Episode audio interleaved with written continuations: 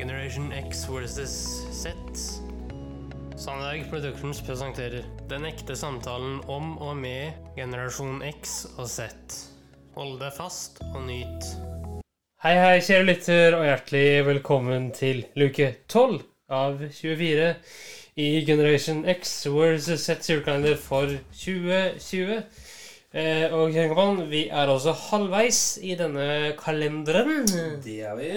Men før den tid Ja. skal vi ta gåten. Vi må gjøre det. Men eh, la oss eh, repetere litt av hva det var for noe først. Gåten, ja? Ja. Ja, for all del. Riddle number 11. If the end of the year is on December 31st, then what is the end of Christmas? ja. Jeg har fremdeles ikke noen gode forslag, føler jeg. Altså, Nei, jeg tror du kommer til å bli ganske paff.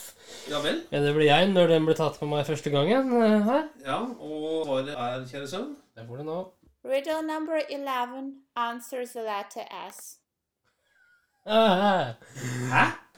Du, den uh, fikk jeg ikke med meg. Hva sa hun for noe? gjør det en gang til. Riddle number 11 answers the letter S. S.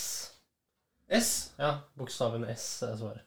Gåten er jo hvis slutten på året er 31. desember, Ja. så hva slutter Christmas på, ikke sant? Altså ordet Christmas. Jeg elsker Å, herre min freden. Der gikk jeg fem på. Du ser så skuffa ut nå. Ja, jeg er det jo, Henrik. Åh, Kjære lytter, du må bare se trynet til uh, min kjære kompan her nå. Han ser altså så skuffa ut nå at det er, uh, det er nesten lapp. Men det var litt kul, da. Ja, ja. Du ble sånn Å, ok. Har du en ny gåte for oss? Selvfølgelig. Vær så god, kjære sønn. Bare hyggelig. Riddle number 12. What kind of egg can you drink? What kind of Egg. Hva slags egg kan man drikke? Jaha. Du, du vet svaret, det nå. Ja. Så har du noe idé? Jeg overlater det til lytterne. Ja, eh, jeg skal ikke si noe. Og kjære lytter, hvis du mot all formodning vil svare på denne gåten, så er det bare å nå oss på Facebook eller Messenger. Der har vi Generation X versus Z som navn, og eh, på e-post. Der har vi Generation X versus Z at sonicproductions.com som domene. Jepp. Men i dag så har du mye på hjertet, tror jeg. Vel, jeg har ikke så veldig mye på hjertet. Nei, det er jo typisk deg å si. Og så har du mye på hjertet likevel. Ja, jeg tror ikke jeg har så veldig mye på hjertet, men jeg har litt på hjertet, da. Ja, Altså, noe, noe på Den trofaste eller oppmerksomme lytter vil nok skjønne at når du sier det, Ja. så har du egentlig mye på hjertet. Prøver å begrense meg, da. Men i dag ja, så skal vi eh, gi en liten julefortelling. ok. Ja da. Om hva da? Det er et folkeeventyr. Jaha. Og hør nå. Du lærer jo russisk, eh, Henrik. Eh, ja, ok, du er der. Ja, så nå, ja, og- så nå tenkte jeg at vi skulle ta et russisk eh, folkeeventyr. Ja, jeg bare lener meg tilbake. Det er en veldig søt historie, og historien er veldig dyp. Men vi må lytte etter. Skal jeg prøve? Ja. For lenge, lenge siden bodde en gang en bonde som het Ivan og hans kone Maria like ved en stor skog i Russland. Ekteparet var likandes folk, men enda de var glade i hverandre og hadde gode naboer og mange venner, var de ikke lykkelige. De ville så gjerne ha et barn. Når nabobarna var ute og lekte, pleide de å se på dem gjennom vinduet, og hele sitt hjerte ønsket de seg et lite barn som de kunne kalle sitt eget. En vinterdag sto de i vinduet i den vesle stua og så på nabobarna som vanlig.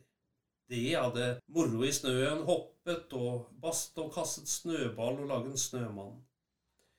Ivan snudde seg mot kona og sa, Se, kone, så moro barna har det når de lager snømann.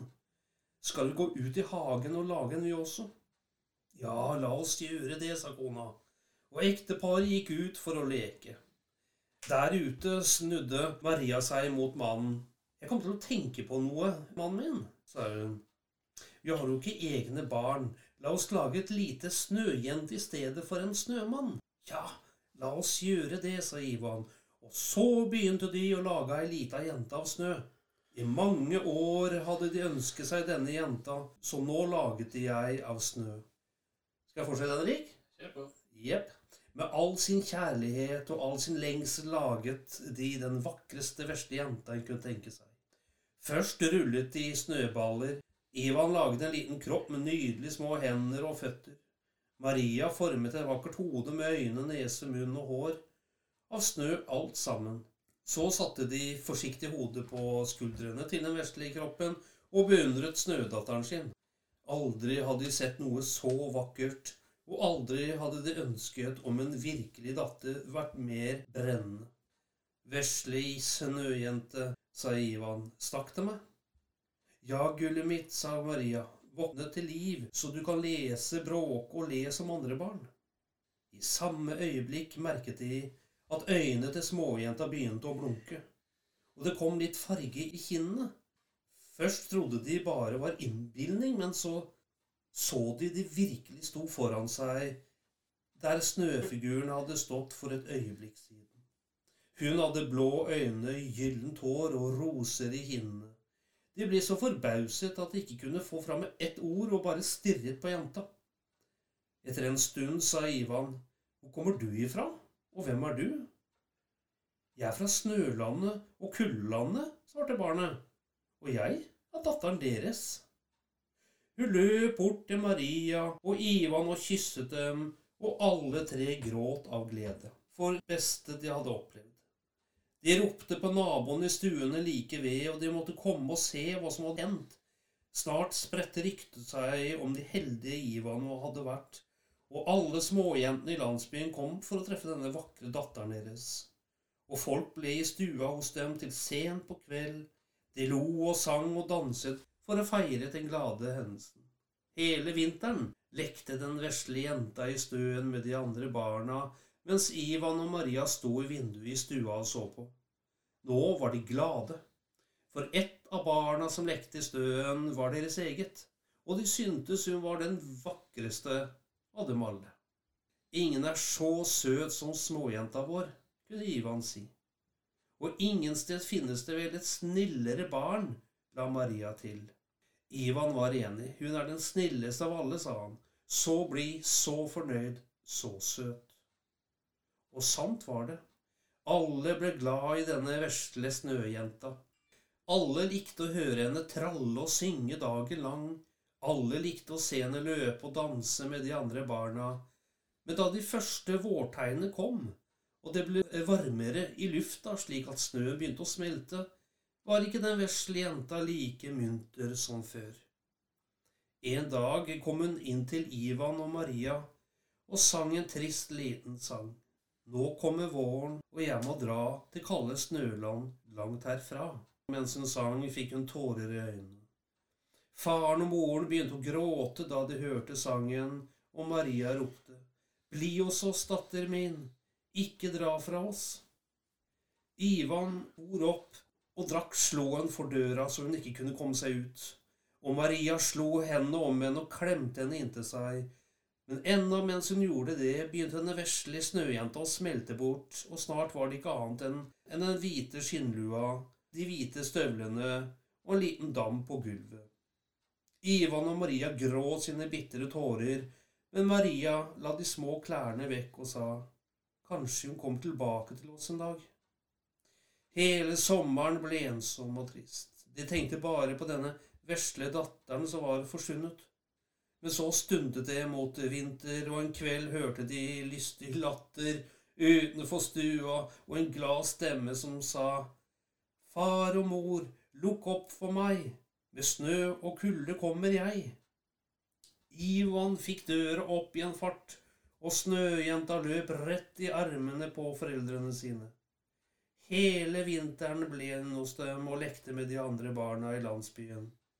Da våren kom, måtte hun dra til snøens og kuldens land i nord. Denne gangen var ikke Ivan og Maria lei seg, for de visste at hun ville komme hjem til vinteren. Når det ble kaldt og snøen tok til å drysse, ville den vesle snøjenta komme hjem igjen til Russland og bo hos dem til neste vår. Ja, Henrik. Ja, ja. Hva tenker du om eh, folketroen? Nei, altså jeg tenker jo at det er jo veldig sånn eh, typisk eh, russisk, gjerne sovjetiske ting, de greiene her. Men er de så familiære som, eh, som det skulle vise seg i den folkefortellinga? Ja da. Om så mye verre. Å, de er det? Ja da. Vi har jo Denne kjenningen som gir oss gåtene hver dag, har jo fortalt meg det at eh, hvis du er i lag med en ukrainsk familie som utlending, Ja. eh, så vil jo familien gjøre alt i sin kraft for at du skal føle deg vel og sånne ting. Mm. Det vil jo til og med mate deg, liksom. Med ting og tang. Ja. Så vi, ja, vi er der. Vi er der. De vil jo liksom prøve da å tilpasse seg deg da, så Ja. best som mulig. Ok. Hadde du NRK-hjørnet i dag, forresten? Yes, det har jeg. Det skal du få av meg nå.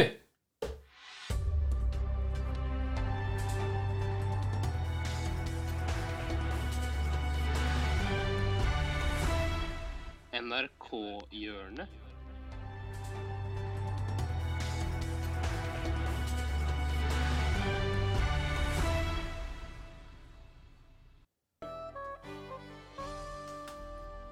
Og årsak til nyhendnad. Mitt navn er Brynjar Kvam.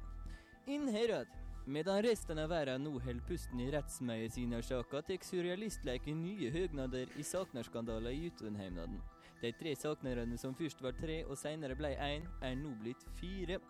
En fjerde savner kom i dag tirsdag inn på Jotun ordensmyndighetskontor og meldte seg sjøl savna. Savneren fikk sjølsagt avslagnad på sin søknad om saknad, men forsvant hist at nå var noen minutter attom bels. Søknaden om saknad ble derfor attopphenta ifra Ordensmyndleikskontoret si ruskebøtte. Klart dette er ordentlig savner. Gutten er jo spurløst sakna. Ser du han kanskje? Hæ? Ser du han her? Ser du noen savner rundt omkring, eller? Tror du han bare tullesakner, eller?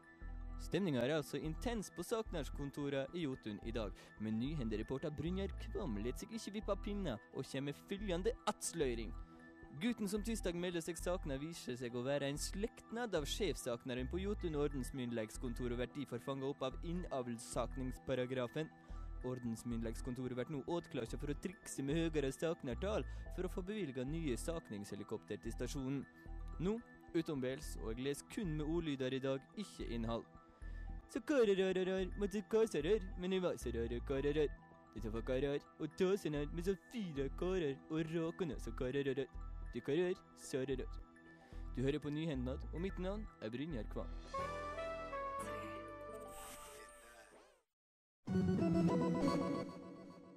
Det blir bare bedre og bedre. det der. Å ja, det, ja da. Og når vi kommer til eh, 24, da, kan, da blir det bra, tror jeg. Jeg syns det er veldig bra med. det blir bedre. Ja, ja, så herlig. Mm. Tusen takk for så langt i dag, Henrik. Og det er bare hyggelig. Jeg bare gleder meg til, til i morgen. Det blir veldig bra. Ja, ha det godt så lenge. Ha det. Tusen takk for at du fulgte oss. Gi gjerne tilbakemelding, likes eller kommentar på Facebook-siden vår Generation X versus Z. Velkommen igjen til neste podkastepisode. Hei då!